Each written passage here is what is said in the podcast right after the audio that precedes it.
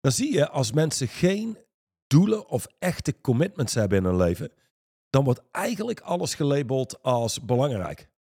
Dus als jij geen onderscheid maakt in, om het, om het zakelijk te houden, high priority issues, medium priority issues, low priority issues, dan is dus alles een prioriteit. En dus heb je ook nooit tijd. Welkom bij de Straight Line Podcast. De leiderschapsdialoog met diepgang en inhoud. Iedere week opnieuw een eerlijk gesprek over radicaal effectief leiderschap in turbulente tijden. En over winnen in het leven. Welkom bij de Straight Line Podcast met Mandy en Johan van der Put. Hoofdstuk eh, 31 staat vandaag centraal en we zitten bij aflevering 33. 33 van deze podcast. Dus nummer 33 van de podcast, hoofdstuk 31 staat centraal. Nu, ben je er klaar voor? Ik geef jou een quote en het spel tussen ons is ik zeg iets en dan zeg jij iets En dan zeg jij diepgaands. Lijkt wel gewoon een en gesprek waardevols. eigenlijk. Wat ja, het is gewoon een gesprek inderdaad. Ja. Dus, de quote van dit hoofdstuk is... We either make ourselves miserable or we make ourselves strong. The amount of work is the same. Ja. Ja, inderdaad, de hoeveelheid werk is hetzelfde of je jezelf nou bekrachtigt of jezelf ontkracht, kracht laat afnemen. Het, het werk is hetzelfde. maar mensen zullen dat niet zo zien. Mensen zullen onbewust kijken naar alle acties die nodig zijn om jezelf krachtig te maken. Dat is een heel veel meer werk dan jezelf niet per se bekrachtigen. Mhm. Ik weet niet of het zozeer werk is. Het heeft vooral te maken met interpretatie. Zeker, maar dat is hoe mensen het denk ik wel ervaren. Ehm, ongetwijfeld. Ja, ja absoluut. Ehm, Ja, als ik wel eens eh, eh, dames spreek die weten wat ik allemaal doe in mijn leven en wat ik allemaal daarnaast nog eh, draag in ons privéleven, zeggen oh my god, hoe krijg je dat voor elkaar? Zoveel werk en dan ook nog sporten en dan ook nog dit. En dus het verschijnt voor mensen als heel veel. Terwijl deze quote zegt, of je jezelf nou miserable maakt of je maakt jezelf strong. Terwijl, eh, miserable, vertaal eens in het Nederlands. Ehm, slecht, miserabel. ja, eh, mis- alsof je jezelf nou verzwakt of bekrachtigt, the amount of work is the same. ja. Ja. En toch lijkt het alsof mensen zich over het algemeen eerder ontkrachten dan kracht geven. Ja. En zoals Duchan het zou zeggen, schrijver van het boek, People are creators. They make stuff up. They do that consciously and they do it unconsciously. They make stuff up that works, that empowers them, and they make stuff up that disempowers them, stuff that doesn't work. Dus Dus wat hij zegt in het Nederlands is: mensen zijn creators.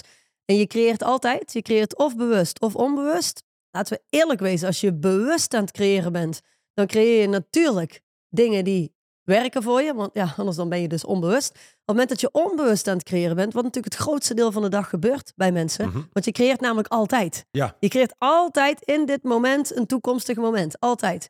En op het moment dat je dat onbewust doet, ja, dan zou je zomaar iets kunnen creëren wat werkt, maar ook iets kunnen creëren wat niet heel goed werkt in je leven. Ja, en het heeft vooral te maken met situaties, interpretaties, hoe we dat labelen, hoe wij het zien. Hoe wij kijken wordt bepaald door onze inner stance, door wie we zijn. En dat bepaalt wat we zien. Dan, dan merk je dat heel veel mensen met name onbewust dingen interpreteren op een zwakke wijze. In andere woorden, op een manier wat ze verzwakt.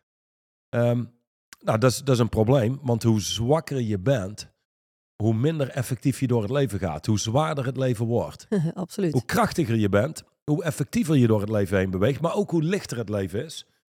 Ehm, hoe meer ruimte je hebt om daadwerkelijk iets te creëren. Dus ehm, het komt natuurlijk af van dit hoofdstuk: doelenmanagement versus time management. Ja, exact. Die, die stap wilde ik maken. We zitten bij hoofdstuk 31, zei ik al. Eh, en de distinctie van hoofdstuk 31 is doelenmanagement versus time management. Waar jij net heel correct zei, in de Engelse versie is het commitment management versus time management. Dit hoofdstuk is helemaal fantastisch als je het mij vraagt. Het is een me- mega belangrijke distinctie, omdat niet alleen ondernemers en zakelijk leiders, maar tegenwoordig heeft toch eigenlijk iedereen het idee dat hij een probleem heeft met time management. Te druk, eh, niet in balans. Ja, eh, ik krijg, het, ik krijg het allemaal niet gemanaged. Ik heb te weinig tijd, te druk. waar wij stellen, wat heel verfrissend is voor veel mensen om te horen, er is niet zoiets als time management. Er is ook niet zoiets als een probleem met time management. En dat is leuk, Ehm, want als je namelijk, weet ik veel, 100 jaar terug gaat in de tijd, was time management waarschijnlijk een, een eh, term die niet bestond. En eh, op het moment dat een term nog niet 100 bestaat. jaar geleden was zelfs stress een term die niet bestond. Ja, klopt. Dat was inderdaad een term die nog niet uitgevonden was. Waardoor eh, mensen gewoon ervaarden wat ze ervaarden zonder het te labelen als stress. En stress is dan ook nog iets wat door veel mensen als fout gezien wordt of als iets slechts gezien wordt. En vervolgens, ja, dan, dan, dan zie je een hele maatschappij vertrekken. Um, dat geldt ook voor time management.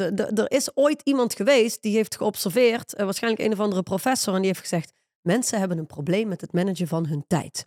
En vanaf dat moment uh, is dat een soort van collectieve waarheid. Hè? En mensen die het altijd te druk hebben, die altijd te laat komen, ja, die zijn slecht in time management. Ja. Wij stellen bullshit. Vertel.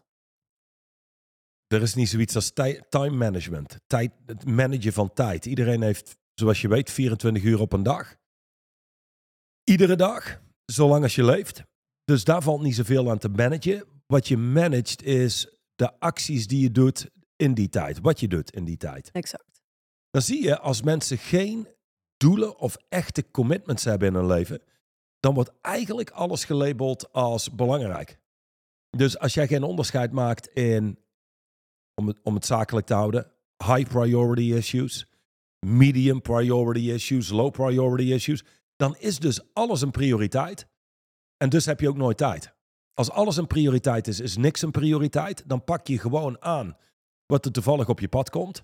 Ja, dat krijg je niet gemanaged. Dan, dan loop je uiteindelijk achter tijd aan, om het zo te zeggen. Dat gevoel hebben mensen. Dat, gevoel hebben mensen, ja. Het woord management uh, betekent natuurlijk niks meer of minder dan het in de hand houden van. Dat is wat manager betekent, in de hand houden. Als je daarnaar kijkt, dan is het woord time management inderdaad al heel raar. Want tijd kun je niet in de hand houden. Tijd tikt gewoon iedere dag hetzelfde aantal seconden, minuten en uren. En dat gaat altijd maar door. En daar valt verder, er valt niks aan in de hand te houden. Er valt niks aan te managen. Dan, dan ehm, nog een aanvulling op, op time management. Je ziet ook mensen die zogezegd niet goed zijn in time management. Die volgen dan een opleiding om hun tijd effectiever in te delen. De reden waarom dat bijna altijd faalt en meestal dingen erger maakt is, denk aan de uitspraak, wat je ook doet voor A, maakt, A, alleen maar erger. Ja, dus... Um, ja, en echter überhaupt. Hè? Want in, in het Engels natuurlijk, whatever you do for A makes A more real. Dus echter in plaats van erger. Het gevolg daarvan is wel erger. Maar het is op, op, het, moment, op het moment dat je iets doet um, om je probleem met time management op te lossen, dan maakt dat je het echter maakt voor jezelf dat je een probleem met time management hebt. Ja, zie je het als dus de roker die wil stoppen met roken. Dat betekent, hey, alleen een roker kan stoppen. Dus uh, uh, ik, ik moet stoppen met roken. Verstevigt het idee dat je een roker ben bent. een roker. Precies. En in ons werk zouden we zeggen, de shift die je te maken hebt is van een roker naar een niet-roker. Ja. In de kern zou, zou dat het werk zijn. Nou, hier zou het zijn iemand laten shiften van het proberen te managen van tijd naar het managen van hun commitments. Ja, nou, ik pak even een klein stukje uit het boek erbij hm, om, uh, om, om bij de kern van Duchamp te blijven. Ken je de uitdrukking water naar de zee dragen? We gebruiken deze uitdrukking als we ons bezighouden met onzinnige acties die niets opleveren. We besteden onze tijd niet effectief en hebben problemen met time management. Dat is eigenlijk wat mensen denken en wat ze ervaren. Mensen die het idee hebben dat ze problemen hebben met time management zijn over het algemeen mensen die aan het begin van de dag een to-do-list hebben. Aan het einde van de dag terugkijken op de dag en denken: wow, ik ben super druk geweest vandaag. Maar eigenlijk praktisch niks van mijn to-do-list is afgecheckt. Waar ben ik dan eigenlijk mee bezig geweest? Nou, als je jezelf die vraag stelt, dan is het vaak dat je bezig bent geweest met water naar de zee dragen. Als aanvulling daarop, uh, er is een, uh, een, een uitspraak in coaching. Dit komt nog uit de jaren tachtig. Dus er worden termen dus gebruikt als winners en losers. Maar winnaars zijn mensen die gefocust zijn op wat ze willen veroorzaken. Verliezers zijn mensen die gefocust zijn op wat er op hen afkomt. Hmm. En er komt iedere dag als leider, als ondernemer, een hele hoop op je pad. Dus het gevaar is dat je dat aan gaat grijpen in plaats van dat je gefocust bent op dat wat je gezegd hebt te gaan doen. Ja, oké, goede aanvulling. Uh, wij hebben gisteren een, ehm, uh, een, een, een, stuk gekeken op, uh, op televisie. was iets wat we aan het kijken waren, waarin een vader tegen zijn zoon zei, en die zoon werd aangevallen door uh, media. En die vader zei tegen zijn zoon: You know, my son, forgive them for everything that they've said and done.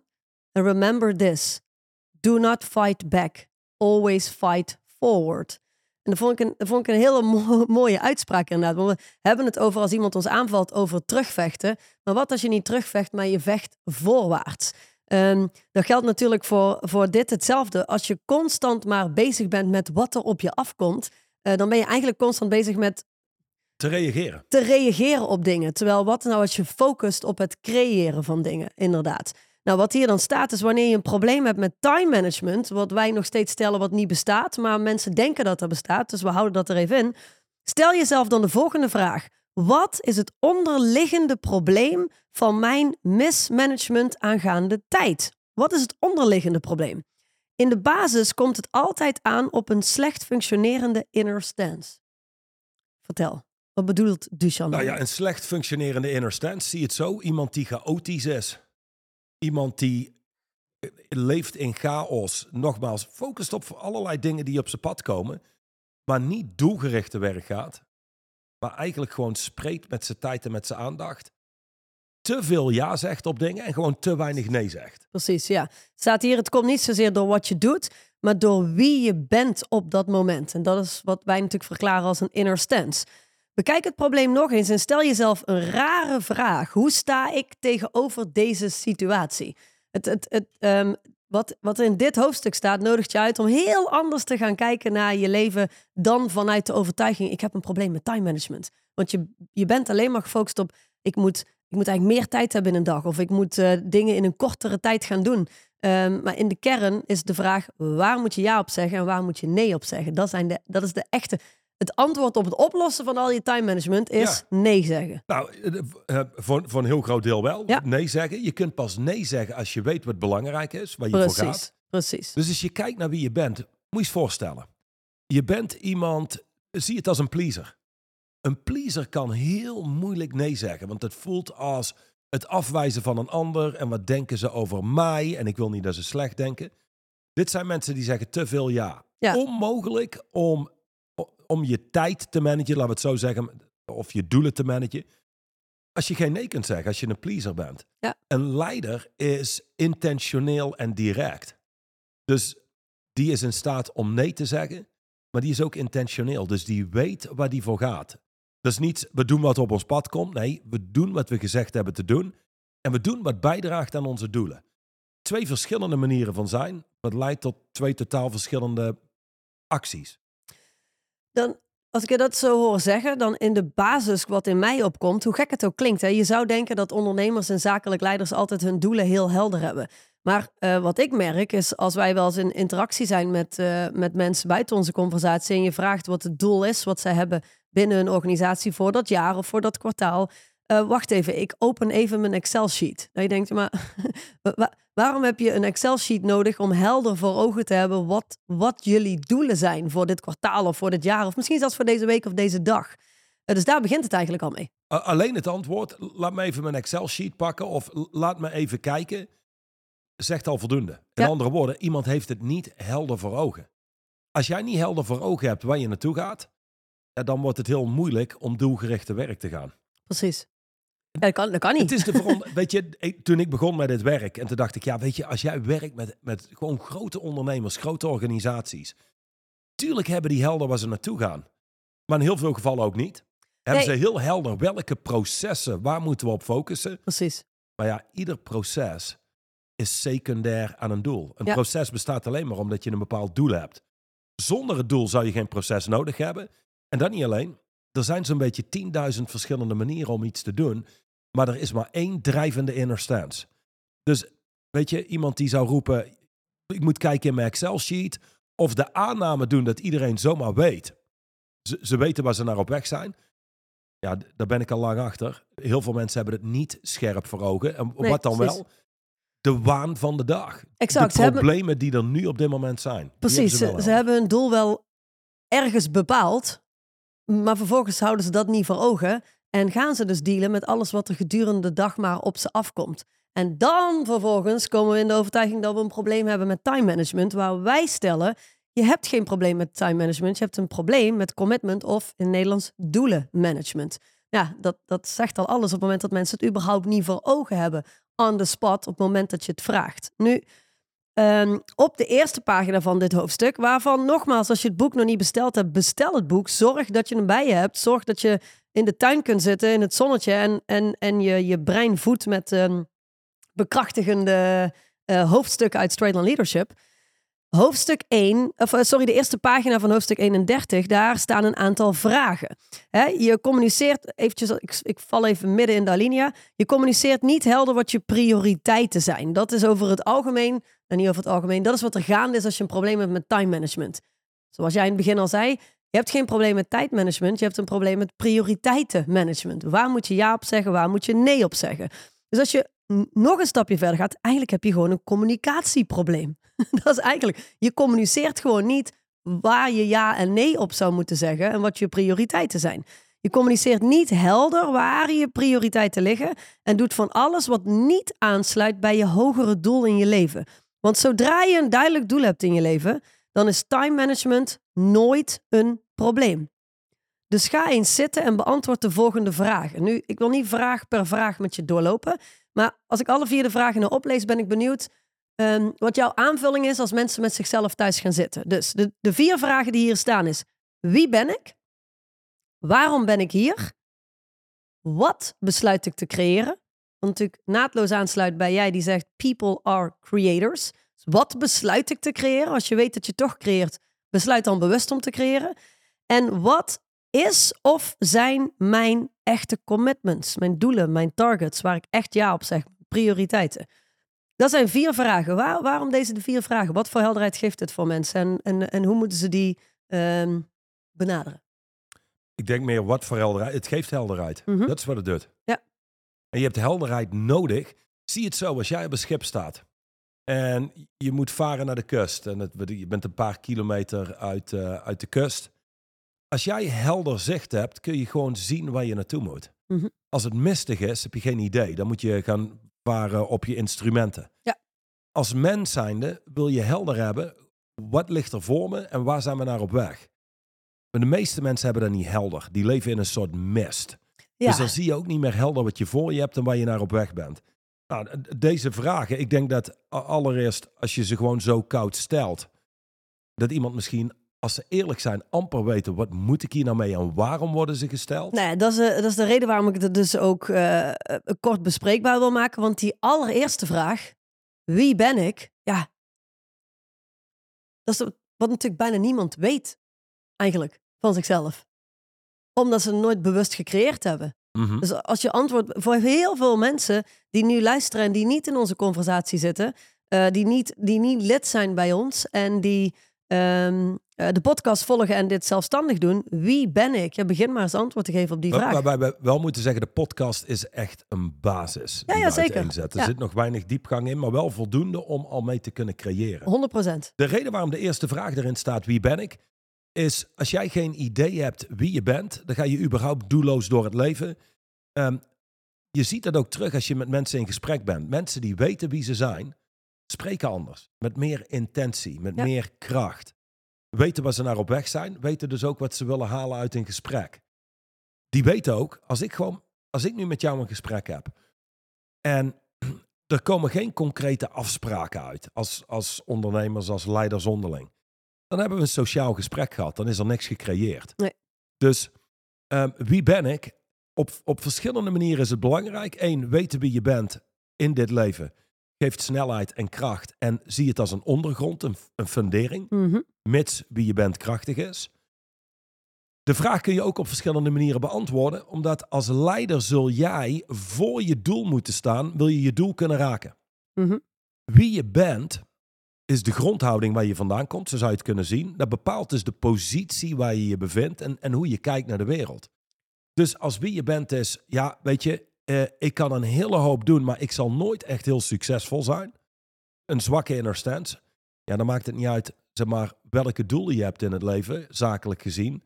Maar je staat nooit voor je doel. Dus de kans dat je je doel raakt is... is bijzonder klein. Ja, Eh, of eigenlijk niet aanwezig. Ehm, ik Dan- vind het wel mooi, want jij stelt namelijk, eventjes heel heel kort inbreken, jij stelt, ehm, ja, eh, als je een leider bent, een, een hele hoop mensen, als ze eerlijk zouden zijn en ze moeten antwoord geven op de vraag wie ben ik, en ze zitten in posities van zakelijk leiders, als ze, als ze echt eerlijk zouden kunnen kijken, dan zijn ze eigenlijk niet eens leiders. Dan zijn ze volgers. We leven in een tijd waarin mensen eh, minder dan ooit helder hebben waar zij voor staan in het leven, wat hun standpunten zijn, waar hun organisatie voor staat. En, en, en meer dan ooit beïnvloed worden door, nou ja, de media, eh, allerlei beslissingen in de politiek. Geen idee waardoor ze beïnvloed worden, maar door een hele hoop externe factoren die hun maken tot wie ze zijn. Hè? Zoals je heel veel ondernemers hebt die tegenwoordig, hebben we al vaker over gesproken, in een aannamebeleid eh, constant maar aan het buigen zijn, want anders krijg ik geen personeel gevonden. Ja, je bent eigenlijk non-stop aan het aanpassen en aan het volgen wat de maatschappij je vertelt, in plaats van dat je een standpunt neemt van hé, hey, maar dit is wie ik ben. Dit is wie ik ben als leider. Dit is wie ik ben als ondernemer. En dit is wie onze organisatie is. Dit Mhm. is waar wij voor staan. Eh, dus ik denk dat die eerste vraag, wie ben ik? Ben je een leider of ben je eigenlijk een volger? Al een goede vraag is om te stellen. Ja, nou, laat ik zo zeggen, ik wilde wat meer context creëren rondom die vraag. Want wat er niet mee bedoeld wordt is, ik ben CEO van die en die en die organisatie. Of ik ben de moeder van drie fantastische kinderen en eh da da da. Dat is niet wat bedoeld wordt met die vraag. Het is fundamenteler. Exact. Als jij deze vraag stelt aan zo'n beetje iedereen die daar niet vaak over nadenkt, krijg je überhaupt het volgende.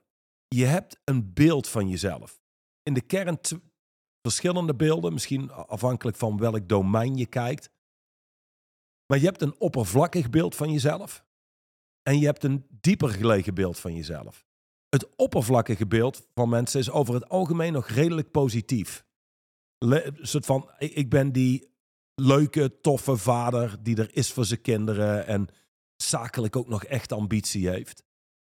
Dat is vaak gebouwd op een dieper gelegen beeld, wat leeft bij mensen op een dieper level.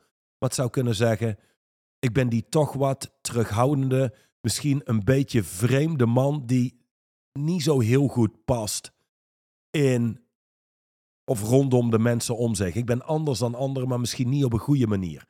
Het leeft in een conversatie. Dat is, Mhm. dat is waar wie iemand is leeft. Ja, met jezelf, hè? De conversatie die je hebt met jezelf. Ja, nou en nogmaals, je hebt een oppervlakkig beeld en een dieper gelegen beeld. Het is niet het oppervlakkige beeld wat je handelen en prestaties beïnvloedt, maar het dieper gelegen beeld. Nou, en dan vervolgens waar je naar kijkt is, wat is de inner stance van iemand? Gedreven, gefocust, verward, chaotisch. Dat bepaalt wie je bent. Helder. Dus de vragen wie ben ik, waarom ben ik hier, wat besluit ik te creëren en wat zijn mijn commitments? Als je daar in je leven, want het is natuurlijk, dat gaat verder dan alleen maar je bedrijf, dat is gewoon wie jij bent als mens en waar jij in het leven voor staat.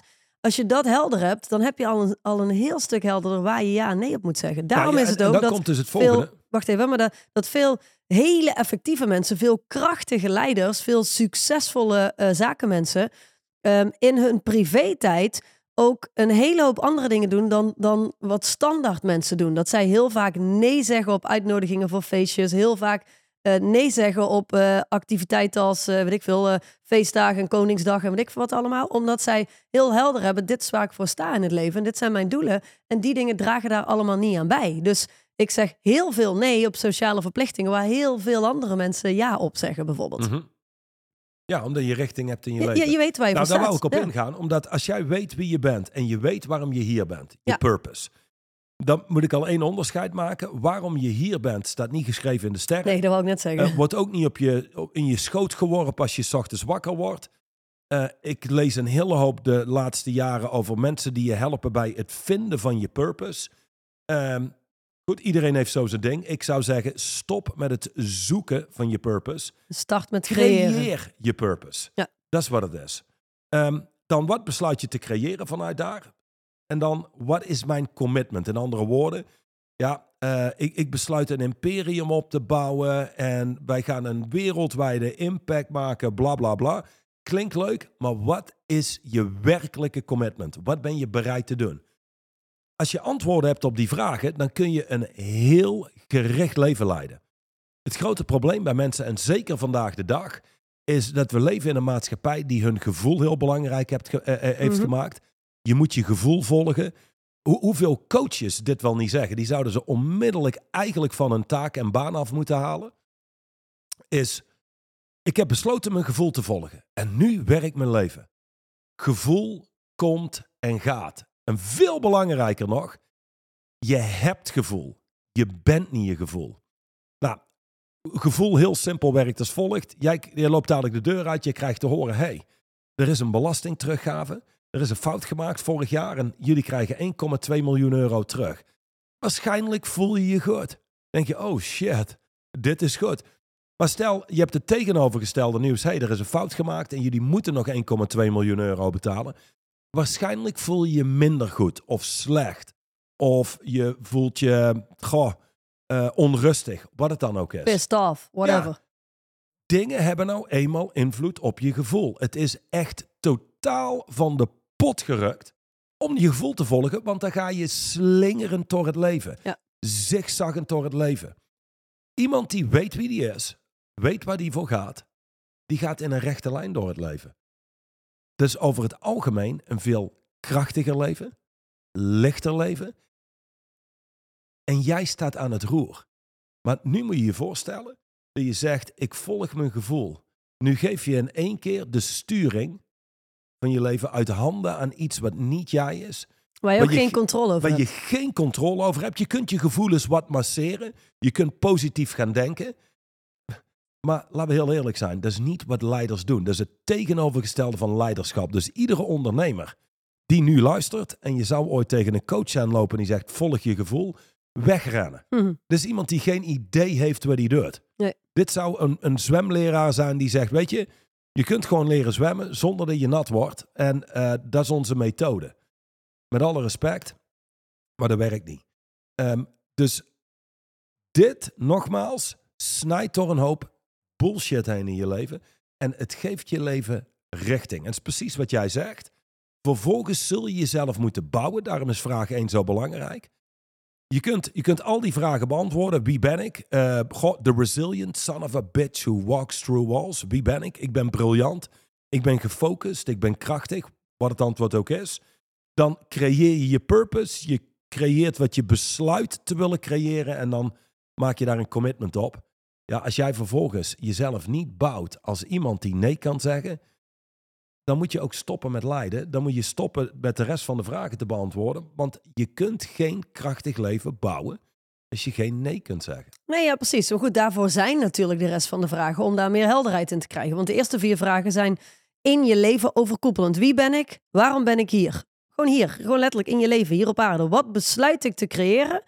En eh, wat is, zijn mijn commitments? Nou, dan hebben we een paar vragen die net een stapje dieper gaan om eerlijk te worden met jezelf. Nog één ding over die vorige vier vragen. ehm, is op het moment als mensen deze nu beantwoorden en ze Mhm. denken, ik heb geen idee. Ook dat is oké, maar laten we heel eerlijk zijn. Ook degene die zeggen, ik werd op een dag wakker en dit is mijn purpose. It's all made up. Het is allemaal verzonnen en creëer iets krachtigs voor jezelf. En het geeft totaal richting aan je leven. Ja, eh, heel eerlijk, als je op de vraag beantwoordt wie ben ik? Goh, eh, ik ben op dit moment iemand die geen idee heeft wie die is. Eh, ja, dat, dat, daar zit superveel kracht in. Ja. Dat klinkt misschien raar, maar er zit heel veel kracht in je realiseren dat je geen idee hebt wie je bent.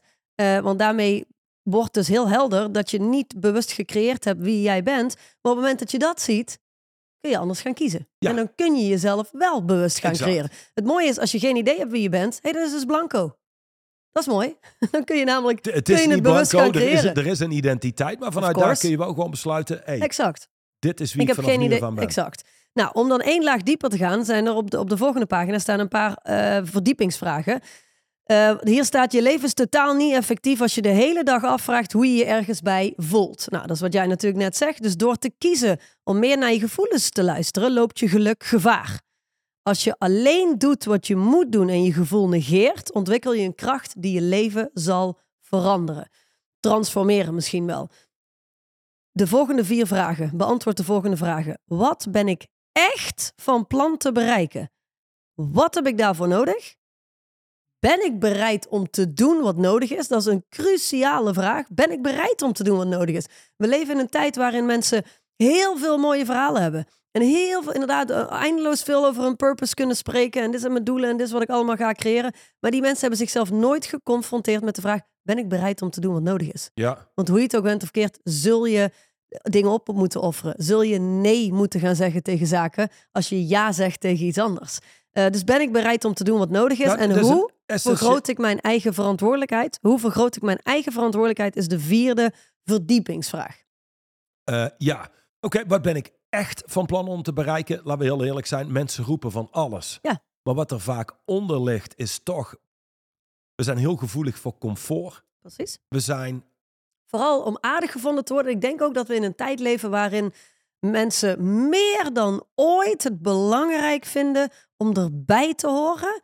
Of in ieder geval om er niet niet bij te horen. Mhm. ja, ja dus, dus dat beperkt je capaciteit om te doen Ja. wat noodzakelijk is, om Ja. te zeggen wat noodzakelijk is. Ehm, maar laat ik zo zeggen, wat ben ik echt van plan om te bereiken? We hebben in deze podcast wel eens gezegd, veel mensen zijn lui. Eh, ik ken luie mensen die 80 uur per week werken. Maar er is iets wat ze uit de weg gaan. Mhm. En dus die 80 uur werk is meer een compensatie voor wat ze uit de weg gaan. En dat is kernacties. Ja. Wat mensen uit de weg gaan is discomfort. Ja. Nou, dus wat maakt mensen lui? Luiheid wordt gedreven door angst. En die angst zit gekoppeld aan oncomfortabel zijn. Ja. Nou, laat zeggen, de meeste kernacties, de dingen die er echt toe doen, zijn vaak niet heel comfortabel. Ehm, dus waar ligt vaak de echte agenda van, me- van mensen als ze niet opletten? Bij het beantwoorden van die vraag, ja, wat, wat ben ik echt van plan te bereiken? Niet zo heel veel. Ik ben eigenlijk van plan, als ik kijk naar hoe ik nu leef, voorzichtig te spelen, op safe te spelen, Niet gecanceld te worden. niet gecanceld te worden, comfortabel te zijn. Ehm, dus je kunt best wel wat tijd besteden aan waar ben, ik, waar ben ik nu eigenlijk echt op gefocust? En vanuit hier, wat ben ik dan echt van plan te bereiken? Wat heb ik daarvoor nodig? Daar wil je wel bij stilstaan. In andere woorden, wat zijn de noodzakelijk vereiste acties? En wat, wat heb ik verder nog nodig? En dan is de vraag, ben ik bereid om dat te doen? Ja. En in deze maatschappij wordt denk ik die vraag minder en minder gesteld. Het is meer, we beginnen blind te rennen, want alles klinkt goed, alles klinkt mooi. Ehm, het lijkt alsof succes heel makkelijk te creëren is. Dus daar zet mensen enigszins in actie, Mhm. druk rondrennend. Maar als mensen die vraag eerlijk zouden stellen, bijvoorbeeld als het gaat om 10 kilo afvallen, ben ik echt bereid om dat te doen? Als het gaat over het verdubbelen van je omzet, ben ik dat echt bereid te doen? En iedereen weet diep van binnen het echte antwoord. En daarover liegen heeft geen zin, want je komt er in de praktijk altijd achter. En dan de laatste vraag, hoe vergroot ik mijn verantwoordelijkheid? Zou beginnen met het volgende. Ehm, door te komen vanuit de positie, ik ben verantwoordelijk. Ik had van de week een, eh, een gesprek met een ondernemer en die, die kreeg feedback via mij over een van zijn medewerkers. Die had wat dingen gedeeld, was niet blij met een aantal eh, zaken. Dus dan gaf ik hem terug. En zijn initiële reactie was, die moet eruit. Hm. En toen dacht ik al, oh my god, hij ziet het echt niet. Want als je die persoon gaat ontslaan, de reden waarom de persoon rondloopt zoals die rondloopt, heeft met name te maken met jouw leiderschap. Ja. Dus het kostte een beetje tijd om deze ondernemer te laten zien, wacht even. Hoe die persoon rondloopt binnen ons bedrijf, heeft vooral te maken met wie ik ben en hoe ik handel en hoe ik met hem omga. In- en, maar we zijn geneigd altijd te kijken naar dingen buiten onszelf. We nemen Ja. eigenlijk geen verantwoordelijkheid. Dus de vraag, hey, hoe ben ik verantwoordelijk? Hoe heb ik dit veroorzaakt? Komt vaak niet op bij mensen. Ze kijken altijd naar anderen. Die zijn fout, die doen het niet goed, dit moet anders. En, en als we niet kijken naar onszelf, zijn we steeds aan het proberen dingen buiten onszelf te managen, te Mhm. sturen, te controleren. Maar dat is eigenlijk een illusie, want je hebt geen controle over andere mensen. Je hebt geen controle over situaties. Je kunt invloed uitoefenen. En Ja. die invloed wordt nog steeds bepaald door wie jij bent op het moment dat je die invloed uitoefent. En dat is waar je verantwoordelijkheid ligt en vergroot. Absoluut. Ehm, ik denk dat het belangrijk is dat, ehm, jij zegt heel, heel terecht, je hebt geen controle over dingen buiten jezelf. Je hebt geen controle over mensen, je hebt geen controle over situaties, je hebt geen controle over eh, beslissingen van de overheid, wetgevingen, noem maar, daar heb je allemaal geen controle over. Waar je wel controle over hebt, is over jezelf. Maar de meeste mensen die lopen door de wereld alsof ze geen controle hebben over zichzelf.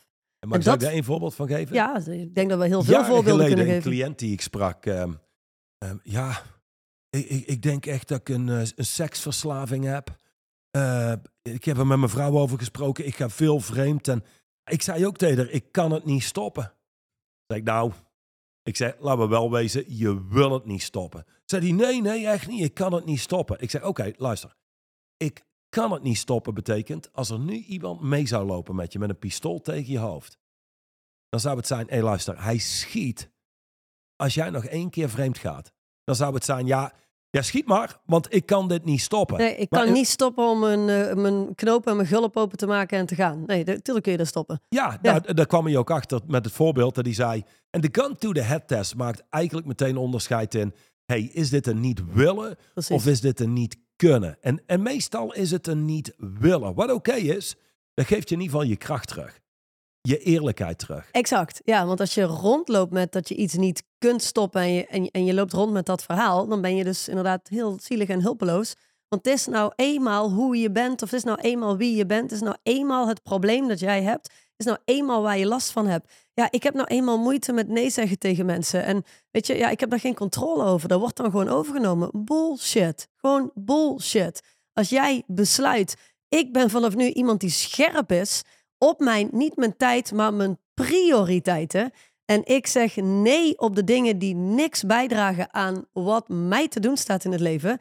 Dan, dan kun je gewoon nee gaan zeggen. Iedereen kan dat woord uit zijn mond krijgen. Exact, want Ja. dat, dat is wat het is. Iedereen kan nee zeggen. Die heeft stembanden. Zoals je ja kunt zeggen, kun je ook nee zeggen. precies. Uh, wat er in de weg zit is wie zij zijn en hoe nee zeggen verschijnt.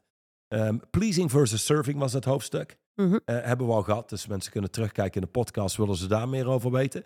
Maar hoe je je eigen verantwoordelijkheid vergroot, is door te focussen op de dingen waar je controle over hebt. Dat is in de kern twee dingen. Jezelf, je eigen dat acties. wat je zegt Ja, en dat wat je doet. exact. Laten we heel eerlijk zijn, als je kijkt hoe mensen daarmee omgaan, dan is het, daar hebben mensen geen controle over. Dat is eh, eigenlijk Hm. het meeste is onbewust, maar dat heb je te vergroten.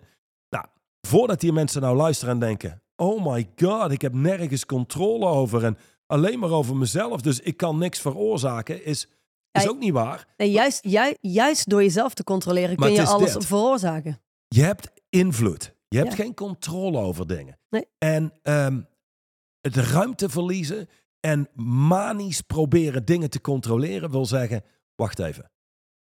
Je hebt het accent fout liggen. Het accent moet liggen op dat wat jij kunt beïnvloeden, Mhm. niet op wat je kunt controleren, want dat gaat niet. Zo meer controle je wil, hoe machtelozer je voelt. Eh, denk aan medewerkers. Mensen hebben heel veel moeite om daarmee om te gaan. Ik wens je ook veel personeel, komt daar vandaan. Maar als het gaat om medewerkers, wat je kunt doen is invloed uitoefenen. Je kunt mensen uitnodigen om dingen te gaan doen die ze niet, nu, nu niet doen. Je kunt mensen uitnodigen iemand te zijn wie ze tot op heden nooit zijn geweest. Ja, maar de enige manier waarop je dat kan, is door controle te hebben over jezelf. Juist. als je geen- En, maar laat me mijn punt maken, is op het moment als je dat start te doen, dan krijg je je eigen kracht terug. En als dan je invloed niet het gewenste effect heeft, dan probeer je niet te controleren wat er gebeurt. Dan ga je terug naar, oké, wat kan ik vanuit hier doen? Precies. En als je dat steeds bekrachtigt, dan ga je ook steeds meer invloed hebben. Ja, exact. En je, je bouwt jezelf als krachtiger en krachtiger. Wat wel belangrijk is, is ehm, als je het mij vraagt in ieder geval, is dat ik zou ook niet willen dat mensen het te makkelijk pakken. Een soort van, ah oké, oké, dus ik moet stoppen met het controleren van mijn team, maar ik moet ze gaan beïnvloeden. Hm, ja, dat klinkt logisch. Hoe ga ik dat nou doen? En dan gaan we op, op Google uitzoeken hoe we het beste mensen kunnen beïnvloeden. Ehm, maar de, de- ook beïnvloedingsstrategieën zijn allemaal bullshit. Als jij iemand bent die geen controle heeft over zichzelf, daar, Mhm. daar ligt uiteindelijk de absolute kern. Eh, Oké, maar hoe krijg ik dan controle over mezelf? Door überhaupt allereerst helder te krijgen wie ben ik, waar sta ik voor in het leven? Welke doelen heb ik? Wat zijn mijn prioriteiten? En als je daar focus op houdt, dan, dan ga je ontdekken in jezelf eh, ja, wat de dingen zijn waar je regelmatig ja op zegt, waarom je dat doet, dat je mensen aan het pleasen bent. Je gaat ontdekken in jezelf welke verhalen de show runnen, hè? Welke, welke gedachten je hebt, welke gevoelens en emoties die jou, die jou beïnvloeden. Want dat is belangrijk om te realiseren. Hè? Als wij ehm, door iets wat ons team doet, waar we geen controle over hebben, gefrustreerd raken, en we controleren onszelf niet. Wat er dan gebeurt is dat we gewoon vanuit frustratie proberen mensen te beïnvloeden. En dat doet natuurlijk niks. Dat creëert nooit Ja, wat je voor elkaar wil krijgen. daarnaast, als je het zo zegt, als je dus niet weet wie je bent en waar je voor staat, wat doe je dan op een dag? Ja. Laten we heel eerlijk zijn. Dan doe je met name de comfortabele, leuk- Precies. leuke dingen. Precies. Dat- Wat zelden echt invloed heeft op dingen of echt effect heeft. Ehm, Ja, en dat is leuk, want uiteindelijk is dit gesprek, dit gesprek komt voort vanuit het feit dat veel mensen denken problemen te hebben met time management. Maar je hebt ons nog bijna niks horen zeggen over tijd. nee, Dat komt omdat je hebt geen probleem met time management. Je hebt een probleem, een, een uitdaging. Je hebt gewoon niet echt besloten in je leven waar je voor staat en wat belangrijk is voor jou. En als je niet besloten hebt en gecommuniceerd hebt met mensen wat belangrijk is voor jou en wat jouw prioriteiten zijn, dan zeg je dus ja op alles en nee op bijna niks. Nou ja, sterker nog, waarschijnlijk zeg je indirect nee op de, de acties die belangrijk zijn om te doen, omdat die heel oncomfortabel zijn. Dus je, je, je krijgt een heel, heel verdraaid leven. En dat doe je dan omdat je een probleem hebt met tijd. en vervolgens gaan we ons focussen op het managen van onze tijd. Ja. Eh, daarnaast in het hoofdstuk, ik denk dat we langzaam richting het einde komen hierin, is dat een van de dingen wat mensen ook terughoudend maakt, is dat ze steeds dingen uitstellen. Weet je, omdat kernacties zijn over het algemeen niet de meest comfortabele acties. Dus een deel in ons stelt dingen uit. Met name Wat kan op het moment dat je je doelen gewoon niet helder hebt. eh, ja, ja je, en, en dan kun je nog steeds je doelen helder hebben. Dat kun je ook nog uitstellen. Als wie je bent niet krachtig is. Ja. Of als je geen werkelijke commitments hebt gemaakt, maar het is en blijft een willen. Een doel, zeg maar, wat je Ja. mogelijk wel of niet bereikt. Mhm. Eh. Maar ook dat hele uitstellen, er zijn drie redenen waarom mensen dat doen. En de, de eerste is het geloof in magisch denken. Dat dingen gewoon op hun pootjes terechtkomen, weet je wel, en, eh, zonder er iets aan te hoeven doen. Ehm, dan heb je geloof in magisch denken. Was dat waar ik mee startte? Mhm. Ah, Er zijn ja. drie dingen. Ja, geloof in magisch denken is, is, is een belangrijke. Weet je wel, de, de hoop dat dingen op hun pootjes terechtkomen. En- een soort van normalcy bias. Denken dat het allemaal wel Ja, goed komt. Ja, Mhm. dan de tweede is angst. Mhm. Dit is een grote. Eh, iedereen heeft angst, maar de meeste mensen dealen niet met angst.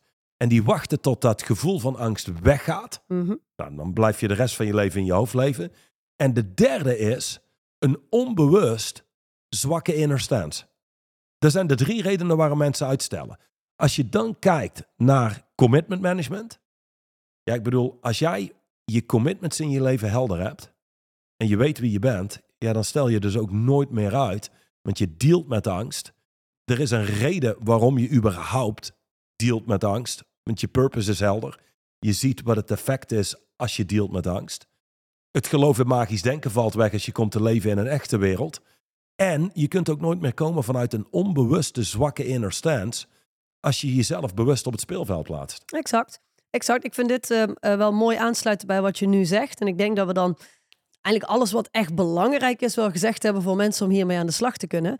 Ehm, hier in het hoofdstuk staat, misschien is hetgeen dat ontbreekt op je weg naar resultaat wel die ene actie die je niet bereid bent te ondernemen.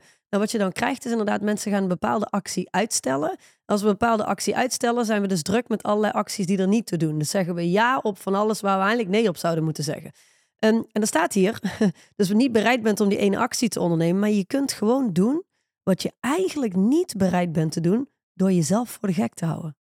Ja, nog een keer. Je kunt gewoon doen wat je eigenlijk niet bereid bent te doen door jezelf voor de gek te houden. Doe de actie gewoon. En doe het direct. Nog voordat je in de gaten krijgt dat je eigenlijk niet bereid bent dit te doen. Ja, Focus op massieve actie. Dus eh, als, om, om een conclusie te maken in hoeverre dat kan in ons werk. Want er zit natuurlijk een heel web van complexiteit vaak omheen als het gaat om je, je persoonlijkheid, hoe je jezelf gebouwd hebt. Maar als je iemand bent die problemen heeft met time management, althans denkt dat die problemen heeft met time management, zijn twee dingen belangrijk. Eén, doe de acties gewoon waarvan je weet dat ze gedaan moeten worden, nog voordat je brein je kan hijacken in de acties gaan uitstellen. Doe- ben gewoon in massieve actie. En twee, vraag, stel jezelf eens de vraag: waar zou ik allemaal nee op moeten zeggen? Wat zou ik allemaal niet zelf moeten doen? Of wat zou ik allemaal überhaupt niet moeten doen om een leven voorwaarts te bewegen. Volgens mij zijn dat de twee belangrijkste zaken om te dealen met je zogenaamde time management probleem. Goeie samenvatting. Dat betekent dat we uitkomen op de podcast van volgende week. Waar gaat die over eigenlijk? De podcast van volgende week eh, gaat over hoofdstuk 32 en dat is zorgen voor jezelf versus egoïsme. Wat natuurlijk goed. een hele mooie aansluiting is op het feit dat mensen nu in deze podcast ontdekken dat ze meer nee moeten zeggen. Sluit heel mooi aan, want heel veel mensen denken dat als ze nee zeggen ze egoïstisch zijn. Maar wat als nee zeggen in heel veel gevallen niks anders is dan zorgen voor jezelf en focus houden op je eigen doelen en verklaringen. Als je het zo zegt, dan ga ik er volgende week zeker bij zijn. Nou, dat is heel fijn. Dan zou ik zeggen, ehm, meneer Van der Put, tot volgende week. En beste luisteraars, tot volgende week. Tot volgende week.